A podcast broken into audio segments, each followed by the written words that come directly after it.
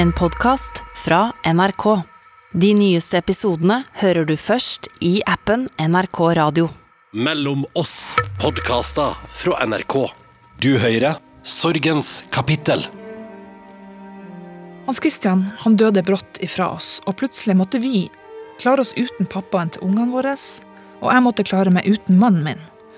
Da slo sikkerhetsnettet seg ut for fullt. Et sikkerhetsnett av venner, av familie, kollegaer og nabolag. Og vi var så heldige, og det vet vi. Et nettverk av kjærlighet, men også av praktisk omsorg. Og det er jeg evig takknemlig for. Fordi jeg vet at jeg aldri hadde klart å spørre om hjelp, selv om jeg trengte det så sårt. Dette er Sorgens kapittel, og jeg heter Karen Marie Berg. Et sikkerhetsnett, en flokk som kommer inn og tar vare på deg når krisen rammer, har vært avgjørende for at Espen Olafsen har kommet seg gjennom sitt mareritt. For 17 år siden mista Espen kona si Elfrid, og han mista dattera si Frøya, da tsunamien knuste feriestedet Kaolak i fillebiter. Og mot alle odds overlevde sønnen Balder. Jeg tenker at kanskje den dypeste, dypeste forpliktelsen man inngår når man går inn i et, uh, i et uh, ekteskap, det er forpliktelsen til å bære hverandres livsvitner og bære hverandres livshistorie. Det har alltid fremstått veldig sterkt for meg, men aldri sterkere enn når jeg fikk vite da endelig at kona mi var død. Altså det at gutten min, som da var seks år, skulle fylle syv når vi kom hjem, skulle huske mammaen sin. Ikke glemme mammaen sin. Jula 2004 reiser familien Alvær Olafsen til Thailand på en sårt tiltrengt juleferie. Det er de fire. Det er Espen, det er kona Elfrid, dattera Frøya og sønnen Balder. Ja, vi hadde jo lengta så etter de her dagene, fordi det er vel vi ja, De fleste småbarnsfamilier kan vel sikkert kjenne seg igjen når jula begynner å nærme seg, at man er litt sånn småsliten, og nå skal man endelig få lov til å puste med magen og hente seg inn og komme litt nærmere det aller viktigste, som er familien og barna. Så vi så jo veldig frem til denne uh, turen, og vi hadde satt av tre uker hvor vi skulle være der nede. Så, uh, så det var rett og slett uh, det var rett og slett så fantastisk som en sånn type ferie kan, kan være, med sol og varme og tid til barna og lange frokoster og høytlesning. Og det var fint. Det var rett og slett helt fantastisk fint til det ikke lenger var det. Så det var sånn virkelig eh, himmel og helvete? Ja, det var et Det ble et helvete. Og jeg tenker at det er jo det som på en måte er, er naturen til de traumene som handler om tap, det er jo at ting kan endre seg så vanvittig fort. Altså Fra det ene sekundet så er det hverdag eller flott og fint, og så er det plutselig et helvete på, på jord, rett og slett. Denne jula, denne ferien, på dette stedet. Her skulle helvete for Espen, Elfrid, Frøya og Balder skylle innover land i form av en bølge, og denne bølgen skulle ødelegge familien og legge igjen evigvarende spor av sorg. Den bølgen kom, og den, den er jo blitt fremstilt som en bølge, men det var ikke en bølge, det var et hav. Det var et hav som var elleve meter høyere enn det skulle være. Og det hadde en bølgelengde på tre kilometer. Så det var, det var et hav som kom. Det var en vegg. Det var en vegg av vann som slo inn i 60 km i timen mot uh, strandhuset der vi var. Og uh, når jeg merka at horisonten på en måte var i bevegelse, og at det var vann som kom inn, så, så fikk jeg ropt ut til folk som var i Vi bodde jo helt altså 20 meter fra flomålet. Så vi fikk ropt folk opp og inn i det vi trodde var sikkerhet, fire meter over, over bakken i leiligheta vårt. Og vi hadde et panoramavindu ut mot, ut mot havet, så vi så egentlig alt som, som skjedde. Så der var vi 16 mennesker samla. Kjente og ukjente? Vi var tre familier i et reisefølge uh, med, med, fire barn og, og, seks voksne. Og utover det så var det folk som vi ikke, ikke da kjente. Så den, den første forkanten av bølgen kommer opp, og den legger seg akkurat under stuevinduet vårt og begynner å skvulpe sånn brunskittent vann, opp. Og så kommer resten av havet bak der. Altså det blir som, som et godstog som kjører inn i en vegg i 200 km i timen. ikke sant? Vognen bak kommer på en måte bare å stable seg opp på toppen. Og sånn var det vannet steg også. Og så slår denne bølgen da på, på 11-12 meter inn over oss. Og Grunnen til at vi vet at han er så høy, det er for at når vi var tilbake der, så så vi merkene oppe i palmetoppa. Og den slår inn i, i rommet og, og fyller, det med, fyller, det med, vann. Um, så i løpet av uh, et par sekunder så er hele rommet fylt med svart, brunt, grumsete vann uten mulighet til å orientere seg og uten mulighet til å puste. Og eh, jeg holder jo dattera mi, da.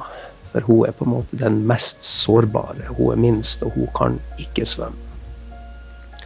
Så jeg har ei venninne som er, heter Gro, som, som er veldig eh, god i vann, og som er dykker. Så jeg sier til Gro liksom Kan du holde Balder? For at kona mi var litt engstelig i vann. Og så tar jeg Frøya.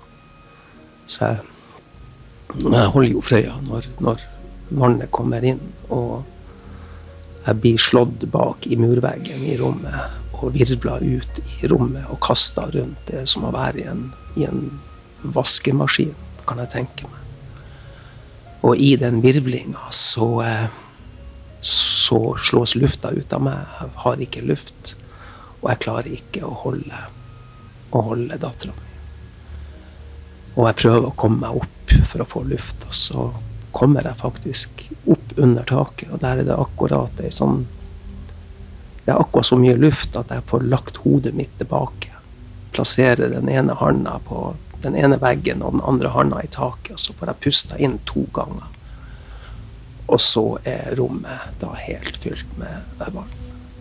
Eh, og da tenker jeg på dattera mi. Frøya, Frøya, hvor er Frøya? Jeg må finne Frøya. Og så eh, finner jeg selvfølgelig ikke Frøya. Det er jo helt umulig å orientere meg. Og, eh, og tenke at nå eh, dør vi. Nå dør jeg, nå dør vi, nå dør alle sammen. Og plutselig så går hele det toetasjes bungalowen som er bygd opp i armert betong, den går fullstendig i oppløsning. Så alle sammen blir jo kasta ut og spy, altså spylt ut av huset og ført med i en voldsom malstrøm innover landet. Og det berga jo livet vårt. Hadde ikke det skjedd, så hadde vi kommet til å vært innesperra og drukna i det rommet. Men det at huset går i oppløsning, det berger livet vårt. Og så begynner det jo en dødskamp for alle sammen i forhold til å overleve det. For det var, det var som å være i ei voldsom stri elv med opprevne trær, knuste hus, biler, mopeder, dyr. Som ble ført innover land i voldsom fart. Og folk ble jo spidda av kvasse gjenstander. Folk ble pressa mot trær eh, og døde. Og det var så mye rop og skrik og fortvilelse. Så det å være det å være livsvitne til at så mange rundt deg døde, og samtidig vite at det var ingenting du kunne gjøre, forsone seg med det, det har vært en vanskelig reise. Og spesielt det med, med at jeg ikke makta å holde med ei datter. Det var et rom som etter hvert utvida seg og, og fyltes med mye skyld. Og etter hvert mye skam. Skamfullhet over at jeg, den maskuline pappaen, ikke skulle klare å berge dattera mi. Og det var jo Det var et sterkt møte da når jeg kom hjem med Balder. Og hvor jeg møtte deg, Per Arne. Og der oppe si der berga du livet mitt den kvelden. Og han som berga livet til Espen den kvelden, var Per Arne Dahl. Espen sin gode venn sjelesørger og støtte, men det skal vi komme tilbake til. Vi sitter hjemme på kjøkkenet til Per Arne, som også er prest. Her har Espen fått ventilert sorgen og smerten han har båret på mange ganger. Fordi Per Arne har alltid stått støtt ved Espen sin side, helt siden de ble kjent med hverandre for rundt 20 år siden. Nei, utgangspunktet, det var jo at uh, sønnen vår Kristoffer spilte i Lyn. Og hadde en helt fenomenal trener som han var fryktelig glad i. Og det var Espen. Og um, vi ble kjent med hverandre gradvis. Og så hadde vi fast plass på Soltribunen på Ullevål. Og satt på plassene bak Elfrid og Frøya hver eneste gang. Og Elfrid og Frøya de var jo noen sånne fargeklatter og livgivere. Og jeg husker Elfrid hadde alltid en gammel ryggsekk med et norsk flagg oppi på alle hjemmekamper til Lyn. Så, så var det 17. mai-flagget. Så det hendte vel at vi kasta ned en sjokolade til eh, Frøya og Elfrid og lærte å sette veldig pris på familien Olavsen. Og Balder var jo også med. Så det var de tre som satt foran oss. Eh. Og så eh, var det den dagen, da. Og det husker jeg veldig godt, for jeg skulle ha gudstjeneste i Snarum kirke Modum. Og satt i bilen på vei oppover. Og så hørte jeg nyhetssendingen klokken ti. Og da kjente jeg at jeg ble veldig redd. For jeg visste jo at Espen og Elfrid og Frøya Balder var i Kavlak. Og eh, da gikk det ikke mange minutter etter gudstjenesten før jeg fikk telefon fra Morgan Andersen, som var sportsdirektør i Lyn. Og eh, da skjønte vi at de var nok kanskje berørt på en ganske så brutal måte. Så det var veistykket som lå foran.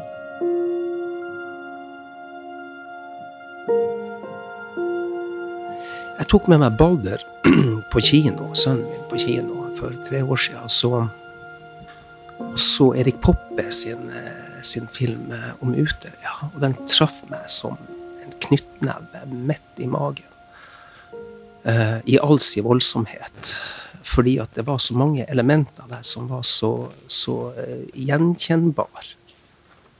I åpningsscenen på den filmen så er jo hovedkarakteren heter, heter Kaja. Og hun fyller hele lerretet og ser på oss der vi sitter i kinosalen. Og så ser hun på oss, og så sier hun dere kommer aldri til å forstå. Og så begynner helvete på jord i forhold til hvordan vi følger hennes og Utøya Ungdom sin historie med drapsmannen som er etter dem. Og jeg tenker at det er på en måte traume sin natur. Eh, for det er så utafor den verden vi kan forestille oss. ikke sant? Det tilhører ikke det her i det hele tatt. Og plutselig så blir du, du ramma. Og, og, i det, og traumet sitt paradoks, er jo det at det er en ekstremt ensom plass å være. Fordi at um, det er få andre som har vært der. Og det er få andre som er der. Og det er få andre som kommer for å bli der. Sånn at sorgen i sitt aller dypeste vesen også er en, eh, en veldig ensom, ensom ting. Og den ensomheten den blir forsterka etter hvert som årene ruller av gårde. For det er noen som husker det. Det er noen som bærer det i seg, mens de fleste andre heldigvis vil jo glemme det. Tilbake i Thailand har bølgen, eller havet som Espen beskriver det, tatt for seg av ødeleggelser. Fra nå av blir ingenting det samme igjen. Livet kommer aldri til å bli det samme igjen. Så det tok jo halvannet døgn etter, etter bølgen kom, og hvor jeg ble klar over at Madde var i live. Trodde du at du hadde mista alle sammen? Eller? Ja, jeg tenkte at det her er det ikke mulig å overleve. Først så visste jeg ikke hva det var. Altså, Er det verdens undergang? Hva er det som skjer? ikke sant? Så jeg var helt overbevist om at jeg hadde mista alle. Og, eh, og det var en sånn veldig rar tid. Eller rar tid, klart det var rar, men det var emosjonelt ekstremt, ekstremt krevende. fordi at på den ene sida så var jeg så full av overlevelsesberedskap og adrenalin fra dødskampen i, i havet.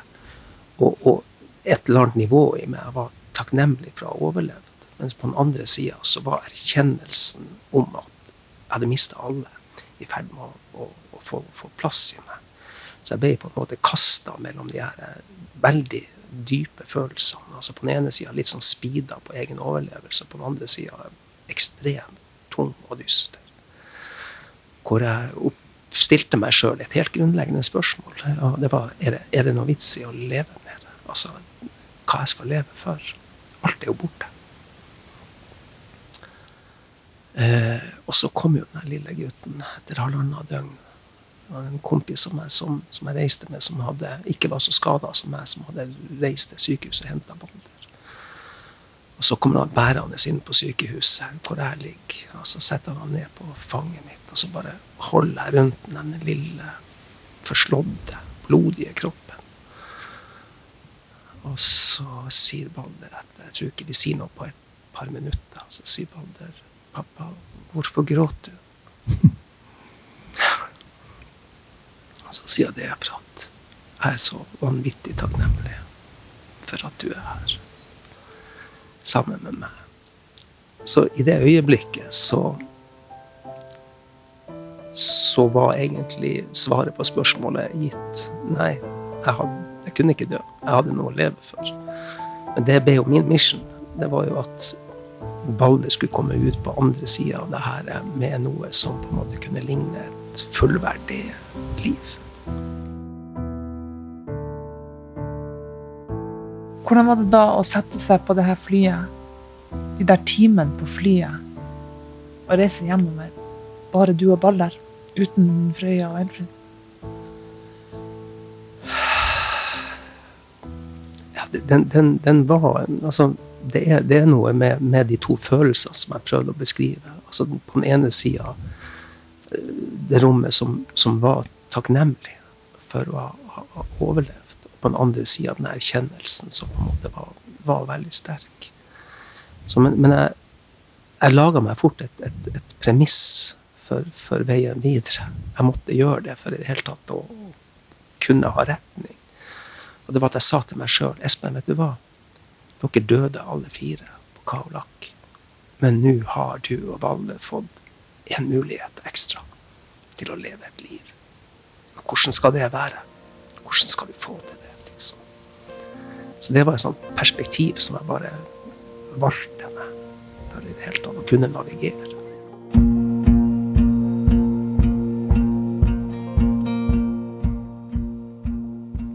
Hvordan var det å få Espen hjem, da? Det var nyttårsaften, og Espen var kommet til Asia-avdelingen, som ble kalt Ullevål sykehus. Det var veldig kaldt. Og nyttårsaften ettermiddag, sånn 50, da er det så stille, taust. Når jeg kom inn i resepsjonen på Ullevål sykehus, så hadde jeg tenkt eh, da er det heldigvis kiosk, så jeg kan kjøpe norsk godteri til Balder. Og noe som Espen likte, kanskje. Så var alt stengt. Men det var et uh, godteriskap. Og da var det kun igjen tre esker med hvit IFA. og det, det kjøpte jeg. Og så kom jeg etter hvert inn på rommet hvor Espen og Balder var. Da var jo gutta ganske forslått med blodige sår, med gips her og der. Og Balder sitter på gulvet og lager puslespill av røntgenbildene til pappa og seg selv. Det har jeg aldri opplevd verken før eller senere. Og så står jeg der litt sånn skamfull, da, for Balder kjente jo meg godt. Og han 'Å, hei, Per Arne'. Det var liksom gjensyn med en gang, men så var jeg litt flau, jeg. Balder og jeg som hadde tenkt at man skulle hatt med masse god, godt Norsk godteri. Og så står jeg her bare med tre hvite IFA. Per Arne, sier Balder, jeg elsker alt som er lakris, og så er IFA nesten som Fifa. og så bare slang jeg tre esker eh, med hvit IFA på gulvet til han. Men så skjønte jeg ganske snart at Espen var bare blytung. Og derfor så kjøpte vi litt oppmerksomhet, litt tid, da. For at Balder hadde puslespillet sitt, og så hadde han eh, den hvite IFA-en sin, og så satte vi oss i et lite siderom eller en krok. Og da Jeg har aldri, verken før eller senere, opplevd deg, Espen, så, så blytung. Og så forteller du om det som tynger deg aller mest da, Espen. Og det syns jeg du skal si selv. Ja, det, det er jo den opplevelsen som, som pappa å holde dattera mi i, i armene og oppleve at jeg ikke lenger klarer det. Eh, og at det at jeg ikke klarer å holde henne eh,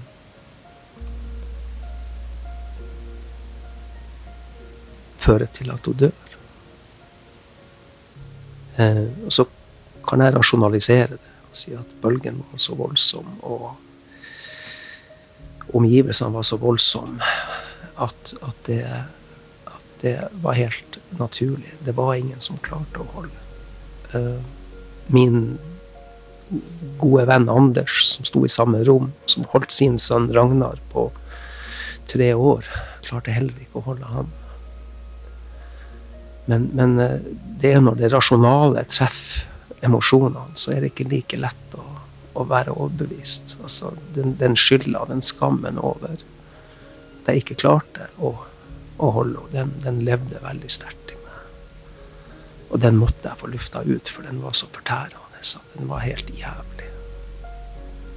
Og jeg har ennå ikke fullt ut forsont meg med at jeg er den sterke og kraftfulle pappaen som var godt trent, ikke klarte å berge dattera mi.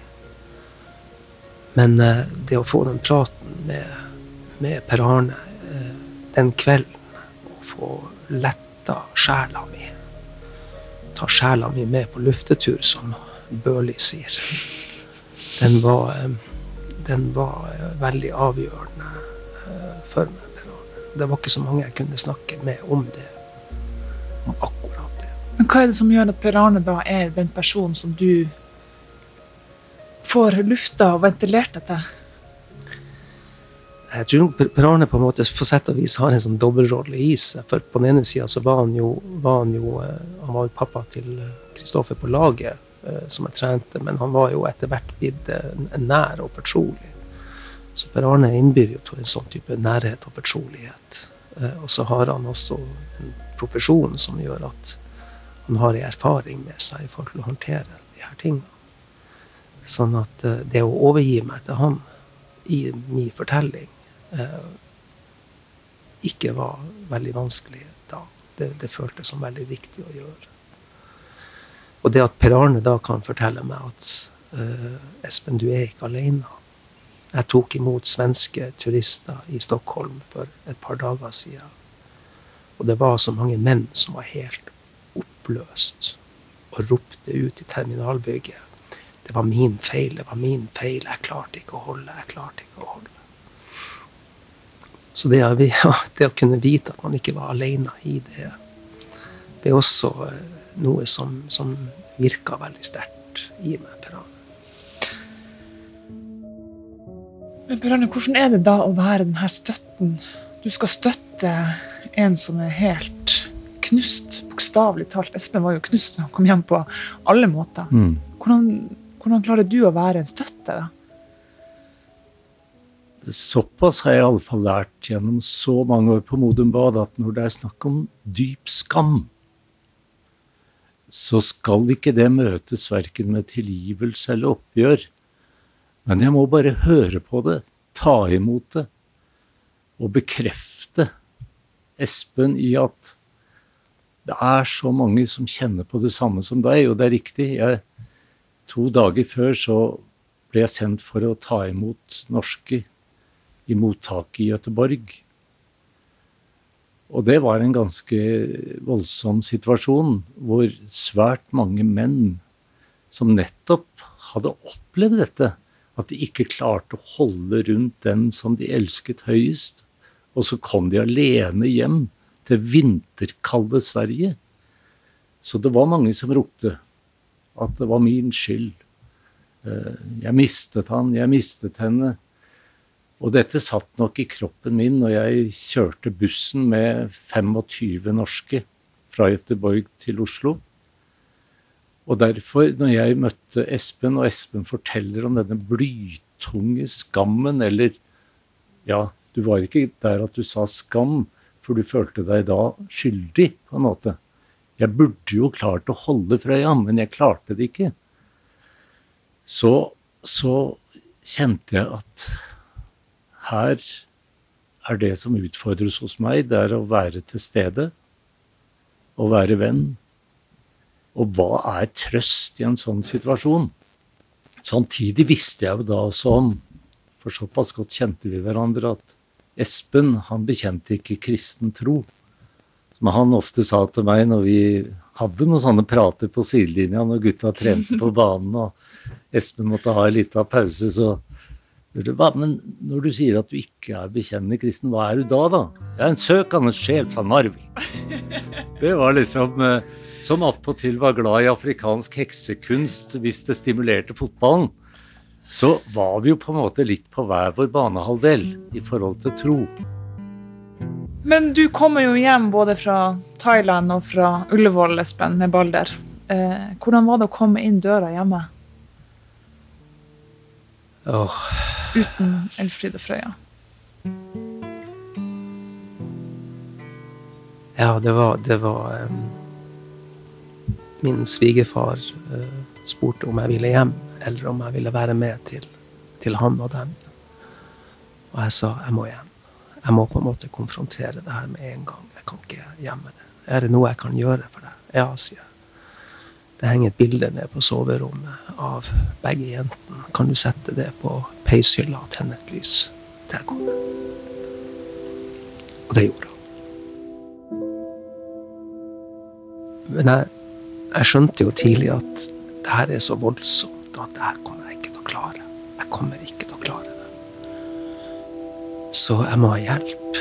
Og jeg har jo vært mye i Afrika og blitt veldig inspirert av mye afrikansk kultur. Det er to ordspråk som, som kom veldig sterkt til meg i, i, den tida der. Og det ene er det, det trengs en hel landsby for å oppdra et barn. Og det andre er hvis du skal gå så kan du gå alene. Men skal du gå langt, så må du gå sammen med noen. Så jeg sa også til min svigerfar at uh, de neste 14 dagene sørg for at huset ikke er tomt. Jeg trenger nær familie. Jeg trenger gode venner. Så skal jeg si ifra når det blir nok. Så husker jeg du sto midt i stua, Espen. Så holdt du armene rundt deg sjøl, og så sa du du skal ha lovlig lange armer for å holde rundt deg sjæl. Og da, da, begynte du å ringe gamle kompisene fra Narvik ja, og det var noe med, med den fantastiske nærheten. Altså det, det, å kunne ha et, være så heldig som jeg var da, å ha et nettverk jeg kunne på en måte få hjelp av. Det er jo én ting. Men, og, og, det var en fantastisk kvalitet. Men så er det den fysiske nærheten ikke sant? Som jeg gjerne skulle hatt på blå resept, eh, og som jeg ikke fikk. Og det var da jeg sa det at eh, du skal ha ganske lange armer for å holde rundt deg sjøl. For det å gå og legge seg i den dobbeltsenga og plutselig være bare én når vi hadde vært to. Det var et eh, det, det, var, det var ganske tøft. Det var det. Å ha sånne kompiser fra Narvik jeg, ble, jeg skjønte at her var det en som hadde god peiling på økonomi. Og tok over regninger og sjekka forsikringer og sånne ting. Praktiske ting. Her var det en som var veldig god til å lage mat. Og han kom og var jo selvskreven. Men det var også en av dem, altså Per Negård. Eh, En av Norges fremste mineryddingseksperter og en av de tøffeste gutta jeg veit om. Og han var jo den av kompisene til Espen som bodde nærmest, i Bærum. Og som prest så er jeg jo vant til litt sånn eh, sånn kringle og kaffe på døra. Og jeg er vant med at folk lager lapskaus og setter en kjele. Men når, es, når, når, når, eh, Per kom, så hadde han én sixpack med pils i hver neve. Og det, det, det syns jeg var fantastisk. Han visste på en måte at når vi har det så vondt, så må vi på et eller annet vis få trøst i fast og flytende form. Og eh, han visste ikke om noe bedre. Akkurat da Nå ble jo Espen veldig obs på dette, da. Så jeg kan fortelle det fordi at eh, det var nettopp noe av det han ikke ville. Bruke alkohol som en trøst. Men bare den handlingen fra en god kompis eh, det syns jeg var veldig flott. Og kanskje det bør eh, utfordre noen av hver av oss til ikke bare tenke på blomster. Eller Men også tenke litt hvordan kan vi på en måte ha en litt mer fargerik trøst. Men det var jo en veldig spesiell tid den, den første tida, fordi at vi fikk jo et sterkt fellesskap hjemme. Det var mye folk der. Det var de aller nærmeste som var der. Så vi ble jo på en måte ei sånn sorggruppe. Eh, Din hvor- egen private sorggruppe? sorggruppe. egen private sorggruppe. Hvor vi, vi spøkte jo også med at vi har med oss en flygeleder. ikke sant? Det var jo presten her da. Som hadde, som hadde litt mer erfaring med de her tingene vi hadde. Som kunne være litt sånn guidance og ta litt metaperspektiv på prosessen. Men er det ikke da godt å bare sette seg ned og ta et glass sammen i denne sorggruppa? Det var det vi gjorde. Og det gjorde godt. Men klarer du å skille sorgen over Frøya og sorgen over Elfrid?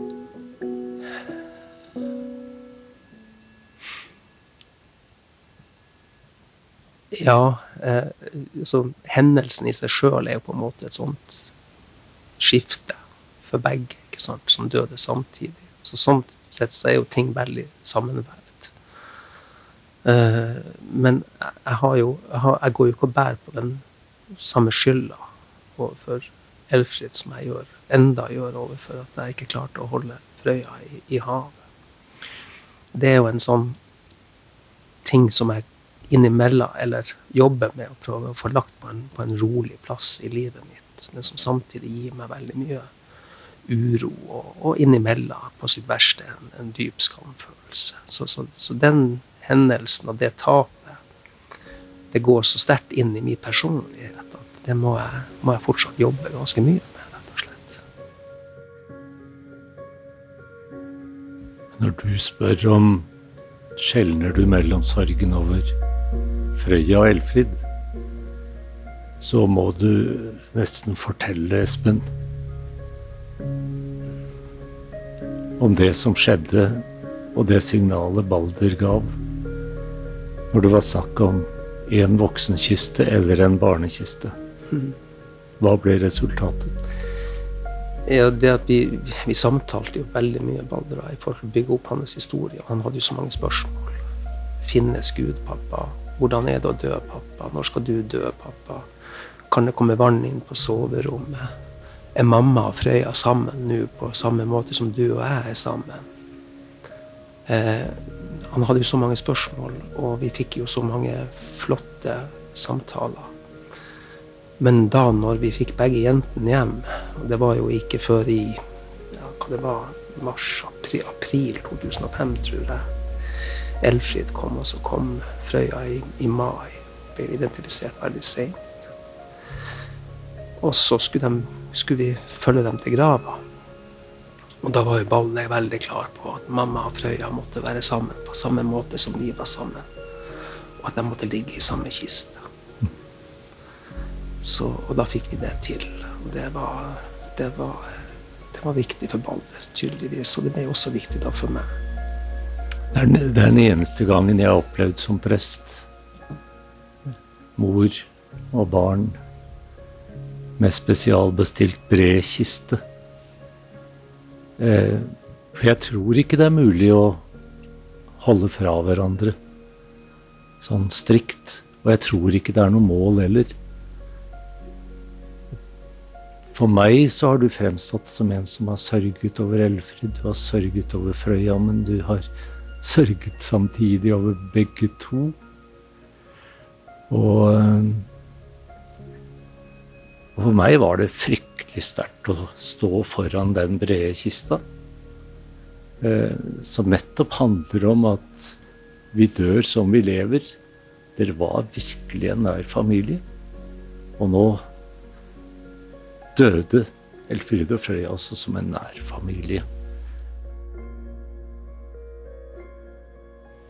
Så var det det, vet du, at jeg, eh, jeg fikk jo tatt farvel med Elfrid. Fordi at når vi, når vi ble kasta eller spylt ut av huset, og etter hvert kom oss til overflata, så fikk jeg hekta neven rundt et svært tre som fløyt innover. Og så tenkte jeg, hvor er, hvor er ungene? Hvor er, hvor er Elfrid? Og så snudde jeg meg for å se om jeg kunne se henne. Og bare 20-25 meter bak meg så var Elfrid kommet til overflata, og hun hadde også armen sin over et tre. Eh, og så fikk vi øyekontakt.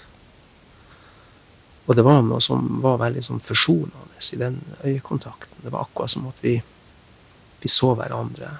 Vi skjønte situasjonen, og vi, på et eller annet merksnodig vis så følte jeg det som at vi også fikk tatt avskjed gjennom den blikkontakten. Mens Frøya var det all den dramatikken rundt ikke sant, i forhold til Så, så det har vært Ja, jeg har omfavna sorgen med begge, men, men de har allikevel hver sin historie ved seg.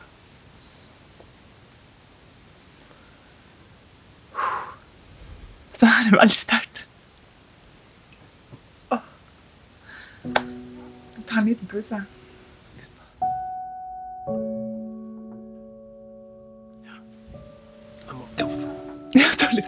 Det begynner å bli tomme der.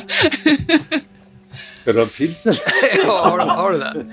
Ja, Så jeg må ha en, en gin tonic. ja, sånn. Jeg savna sixpacken til Per her.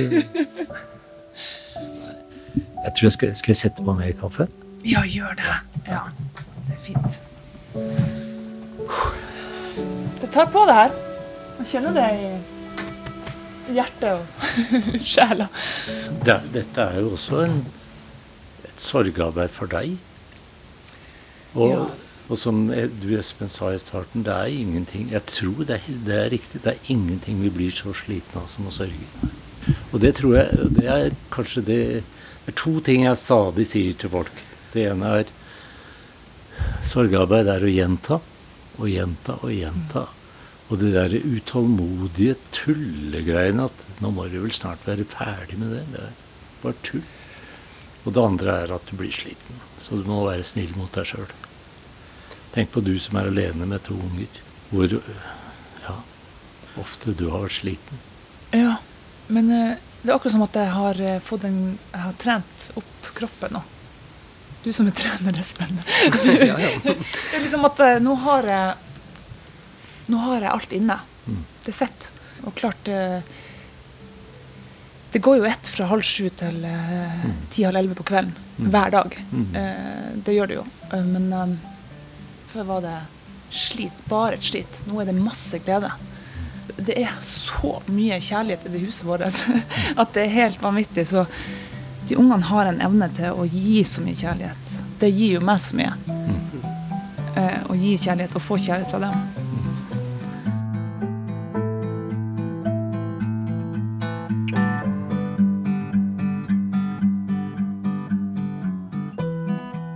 Det er 17 år siden nå. Du mista Elfrid, og du mista Frøya.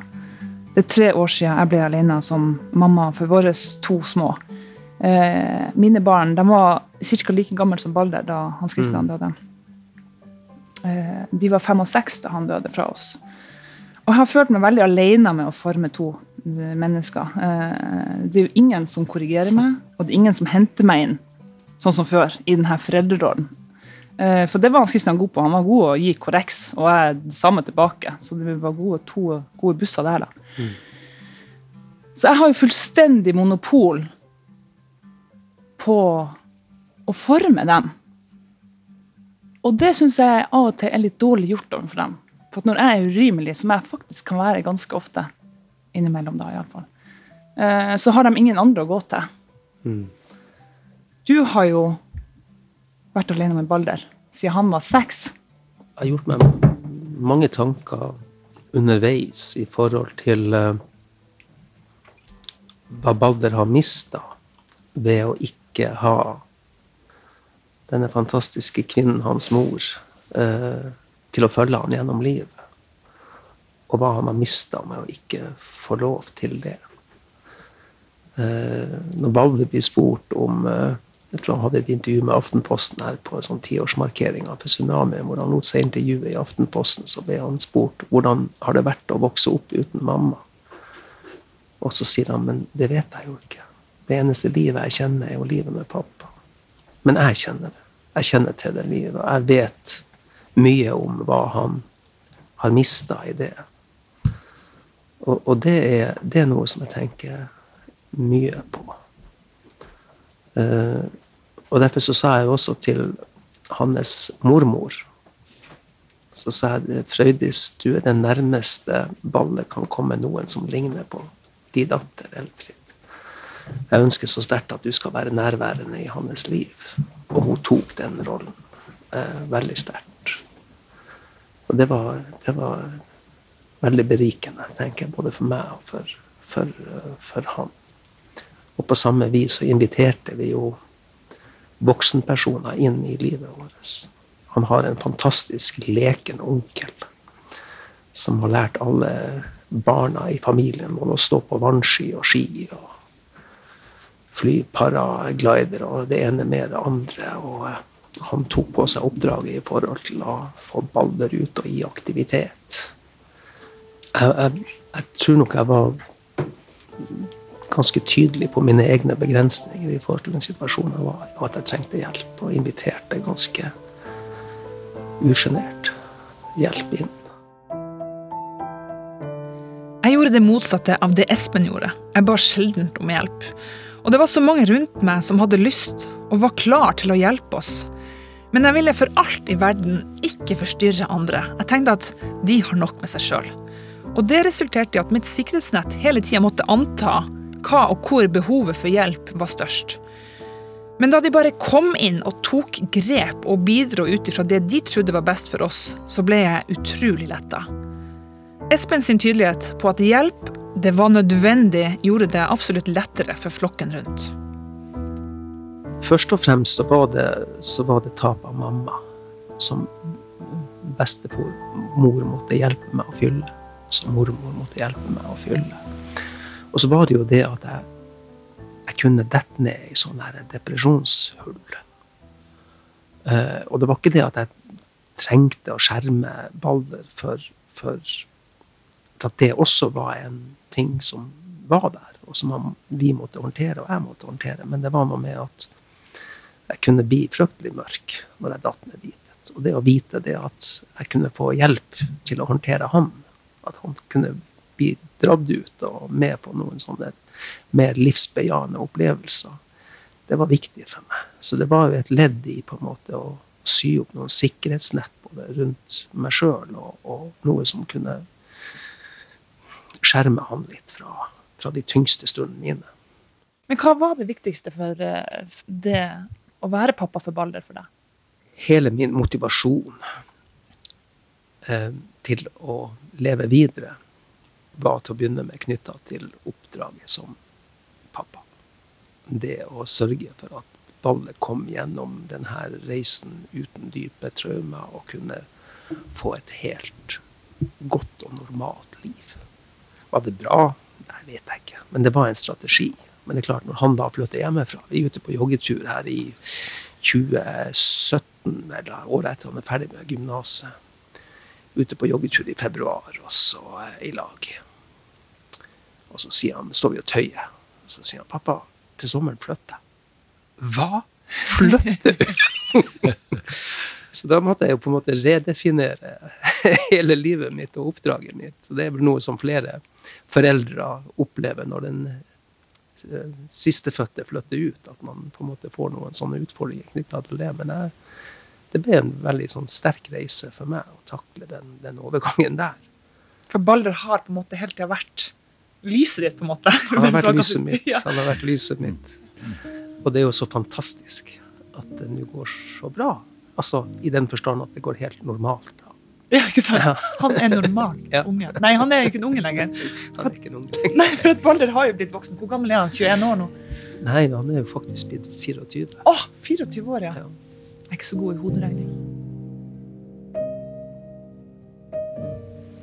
Når du kommer til eh, å følge opp alle da, de her årene her, hva har vært mest utfordrende for deg? Det klart mest utfordrende for meg har vært å leve med meg av tilstrekkelighet. Det å se at innimellom så strekker jeg ikke til. Innimellom så er jeg ikke nok. Og det handler om at også fraværet av den andre, som du snakka veldig sterkt om i sted. ikke sant? At du er sant? og gjerne skulle hatt noen å støtte deg på. Så det å, å leve med den utilstrekkeligheten i forhold til foreldreskapet, det har vært eh, som jeg tenker er helt normalt for, for folk å støte på. Det har vært eh, krevende, syns jeg. Men Espen, tok du deg noen ganger fri fra denne foreldrerollen? Dro du på guttetur og drakk deg kanakas og Ja. ikke var pappa? Ja, jeg hadde fryktelige kompiser som var veldig flinke til å dra meg ut i eh, alskens elendighet. Her, altså, vi, vi hadde mange gode kompismøter ute på både konserter og utenlandsturer og i det hele tatt. Det å ha den kilden og hente energi har vært helt, eh, helt avgjørende. Fordi at som vi har snakka om, det, sorgarbeid er tungt arbeid. Og du må hente energi noen plass. Og det henter det i fellesskap og gode opplevelser er, er viktig. Da må du ha dårlige kompiser. Ja, det er litt lurt med dårlige kompiser, for jeg har veldig vanskelig for å på en måte plassere dem bort og bare være meg. Uh, og det har jeg lurt litt på. Hvor lenge skal det her vare? Liksom? For at, uh, jeg tror vi begge trenger, eller vi, begge parter trenger fri fra hverandre. Og vi er så tett på. Så hvis de er borte helt, så er jeg veldig urolig. Og jeg egentlig helst vil bare at de skal komme hjem. Jeg tror, jeg tror du har noe å lære av Espen. Jeg tror også det. Ja, for jeg tror Espen har vært flinkere til å skaffe seg noen pauser. Altså Ordet pause er gresk og betyr hvile. Og han har vært veldig tapper og stått på for Balder og gjort veldig mye riktig, og som har tatt mye krefter og energi. Det, det er sant. Men han, du Espen, du har vært innmari flink til å skaffe deg noen sånne pauser. Noen helgedager i livet ditt. Og kanskje du eh, skal inspireres litt til det. Ja. At du må faktisk være noe for deg selv hvis du skal klare å være noe for de to barna dine.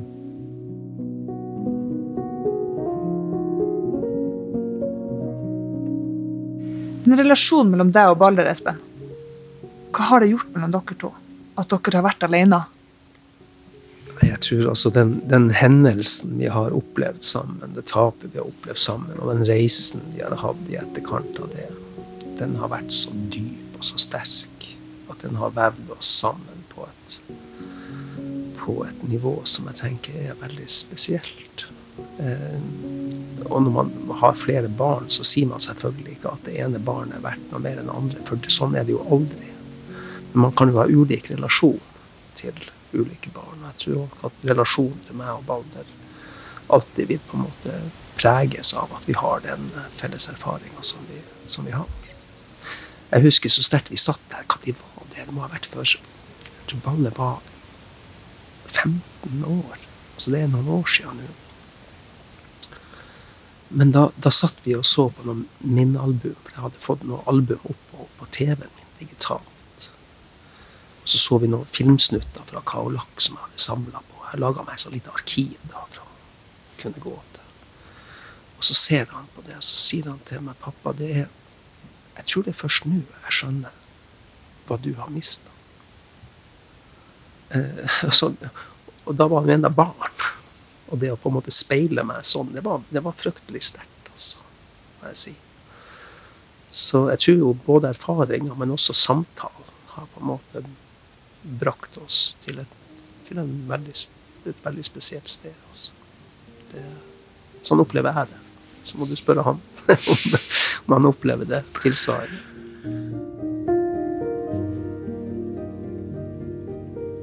Å være Espen som har mista kone og barn i tsunamien, krever sitt. Det krever mye av Espen også i dag. Men livet går på en måte videre. Og så er det å finne balansen mellom bagasjen man bærer med seg, og livet som kommer deg i møte.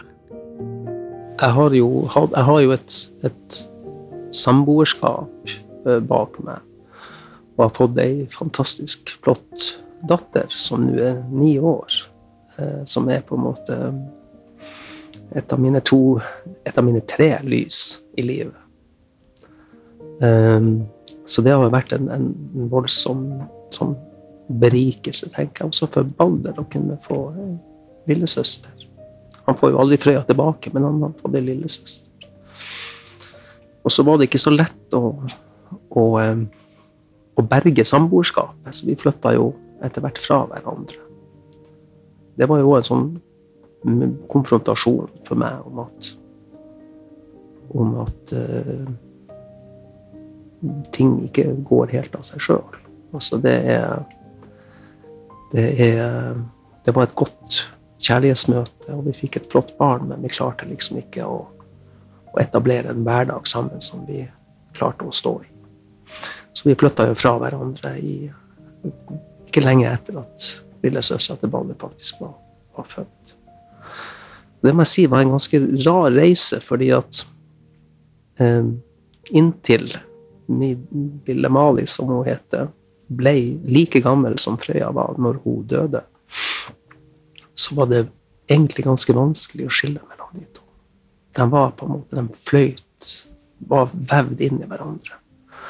Men det var først når hun vokste fra storesøstera, at hun ble eldre enn Frøya var når hun døde, altså fem år, at hun begynte å bli mer og mer seg sjøl.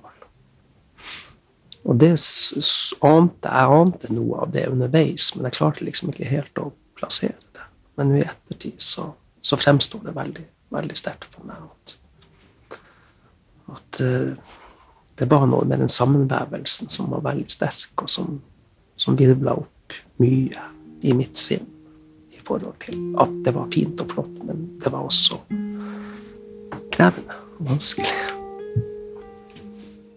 Det er også noe det der å skal gå videre i livet, finne seg en ny partner, eh, og så ta med seg det man, den bagasjen man har. Eh, nå har jo du funnet deg en ny kjæreste, Ja, og du skal gifte deg til neste år. jeg skal gifte meg til neste år.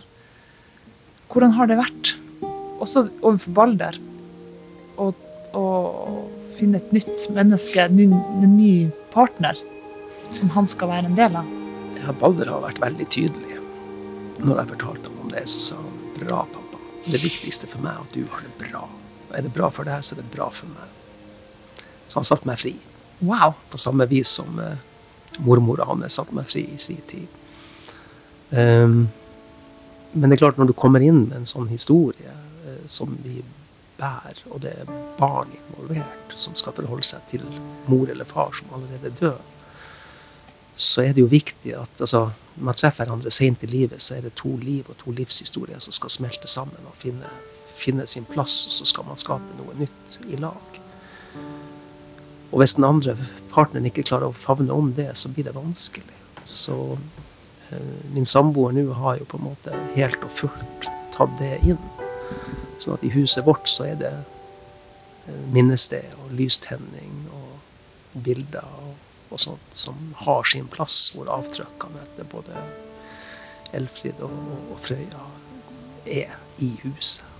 Og uten det så tror jeg ikke det har vært mulig for meg å gå videre. fordi at det er noe med de sammenhengene og lange linjene i livet. Hvis de blir brutt, så er det dårlige forutsetninger for videre liv.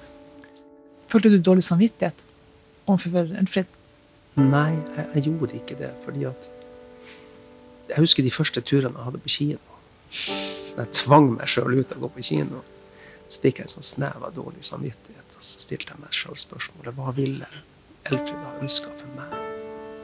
Svaret var jo helt åpenbart. Hun ville ha ønska meg et godt liv. Og at jeg tok vare på gutten vår, og at jeg ikke glemte henne. Eh, så det var bare tull å gå rundt og ha dårlig samvittighet. Så jeg tenkte mer ville Elfrid ha likt min nye kjæreste? Ja. Jeg stilte til og med spørsmålet til bestevenninnen hennes, de svarte det positivt ut. Så det ga meg litt, litt ro.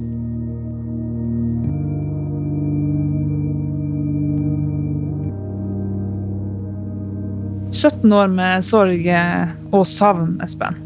Det går vel over i hverandre, tenker jeg. Eh, Hvordan kan du beskrive det her livet etter eh, 2004? Stort spørsmål. Det, jeg Ja, det er et stort spørsmål, jeg må tenke litt på det. Men, men jeg, jeg tenker jo at, at til å begynne med, etter at det her ramma, altså etter tapet, etter opplevelsen på Kaolak, så, så skjønte jeg jo at det her kom Det var så sjelsrystende opplevelse at det kom til å være med meg hele. Men én ting er på en måte å, å si det. En annen ting er på en måte å ha levd det. Å ha levd den erfaringa og se at det faktisk, det faktisk er sant. Så det å igjen, og det å lære seg å, å bære på en måte som gjør at uh, livet kan få lov til å være flott nok, ofte nok, det er jo en livskunst. Og av og til så opplever jeg at det fikser jeg. Og av og til så opplever jeg at det fikser jeg ikke. Så har jeg en formening om hva som skjer når jeg ikke fikser det. Og så strever jeg litt innimellom med å håndtere det. Lære meg hvordan jeg skal prøve å komme ut av det. Men det er, en, det er jo en livslang prosess å miste barn, miste ektefelle. Og så er jeg veldig glad for at du har funnet et menneske som da omfavner det her. Som du kan være sammen med. Ja, og det er jo ikke gitt at man, man gjør det. Ikke sant? At noen tør å gå inn i det rommet. Og det som er så fantastisk med Katrine, som kjæresten min heter, det er jo at hun sier at 'jeg har aldri bedt om noe enkelt liv'. Eh, Men at det skal være at det skal skje ting, at det skal være utfordrende, at det skal være noen spenningsopplevelser her, det er viktig for meg. Og det kommer vi til. Men hadde du noen gang trodd at du skulle møte noen som kunne ta, eh, takle det her? Jeg har eh, egentlig ofte tenkt at jeg kommer til å være alene i livet mitt. Har jeg tenkt. Fordi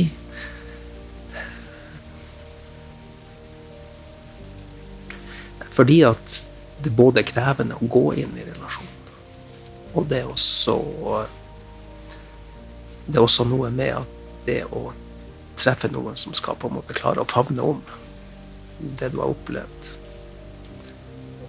umiddelbart ikke fremstår som veldig enkelt.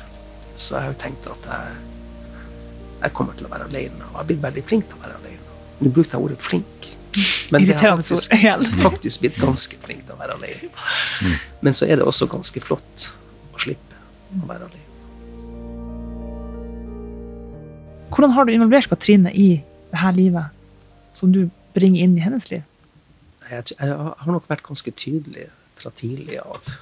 Ikke første gang vi treftes, men tidlig nok i, i, i vår prosess at, at jeg er nødt til å leve et helt liv. Og det innebærer at jeg har kontakt med det som har skjedd, og at de som jentene mine som er borte, har en plass i livet mitt. Og det kommer til uttrykk både hjemme i forhold til bilder og, og hvordan jeg i perioder kan ha behov for tid for meg sjøl, rett og slett, i forhold til å, å stå i livet. Og det har hun omfavna veldig sterkt. Og det, de rommene er laga hjemme hos oss. Og vi har jo tennes lys hver eneste kveld, og min album står, står fremme som at de er en naturlig del av, av vårt liv. Og det er jo ikke selvsagt at det skal kunne, kunne skje. Men for meg så var det helt, helt nødvendig. Men Espen, eh, du har, du har fortalt noe om eh, Balder, om svigermor Frøydis som satte deg fri. Men det som er mitt inntrykk, som har kostet deg mest og tatt lengst tid, er at du selv setter deg fri. Du er jo en søkende sjel fra Narvik, men du er også en veldig selvkritisk sjel fra Narvik. Som mange ganger har rundhjult deg sjøl i forhold til valg og forhold til liv. Og at det har sittet langt inne det å etter mye vondt å unne deg noe godt. Og det syns jeg er kanskje det fineste jeg har opplevd ved deg nå i det siste, da. At uh, du begynner å sette deg sjæl fri. Og begynner å unne deg sjøl noe godt. Og det er jo lettere sagt enn gjort etter en gjennomlevelse av mye sorg. Og så hvordan åpne seg for et nytt liv på en god måte. Mm. Ja, nei, jeg trodde altså det å, det å skulle gifte meg det, jeg, det, jeg, trodde ikke jeg kom til å drive med sånt. Men det, det, gjør jeg tydeligvis. så, så det, det, har vært et veldig, veldig godt, godt møte. Og eh, jeg gleder meg til å bli gammel sammen med Katrin.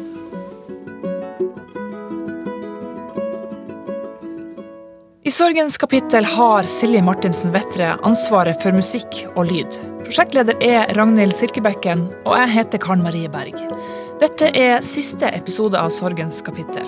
Neste uke er Havarikommisjonen på plass. Hør den først i appen NRK Radio. Du har hørt en podkast fra NRK. De nyeste episodene og alle radiokanalene hører du i appen NRK Radio.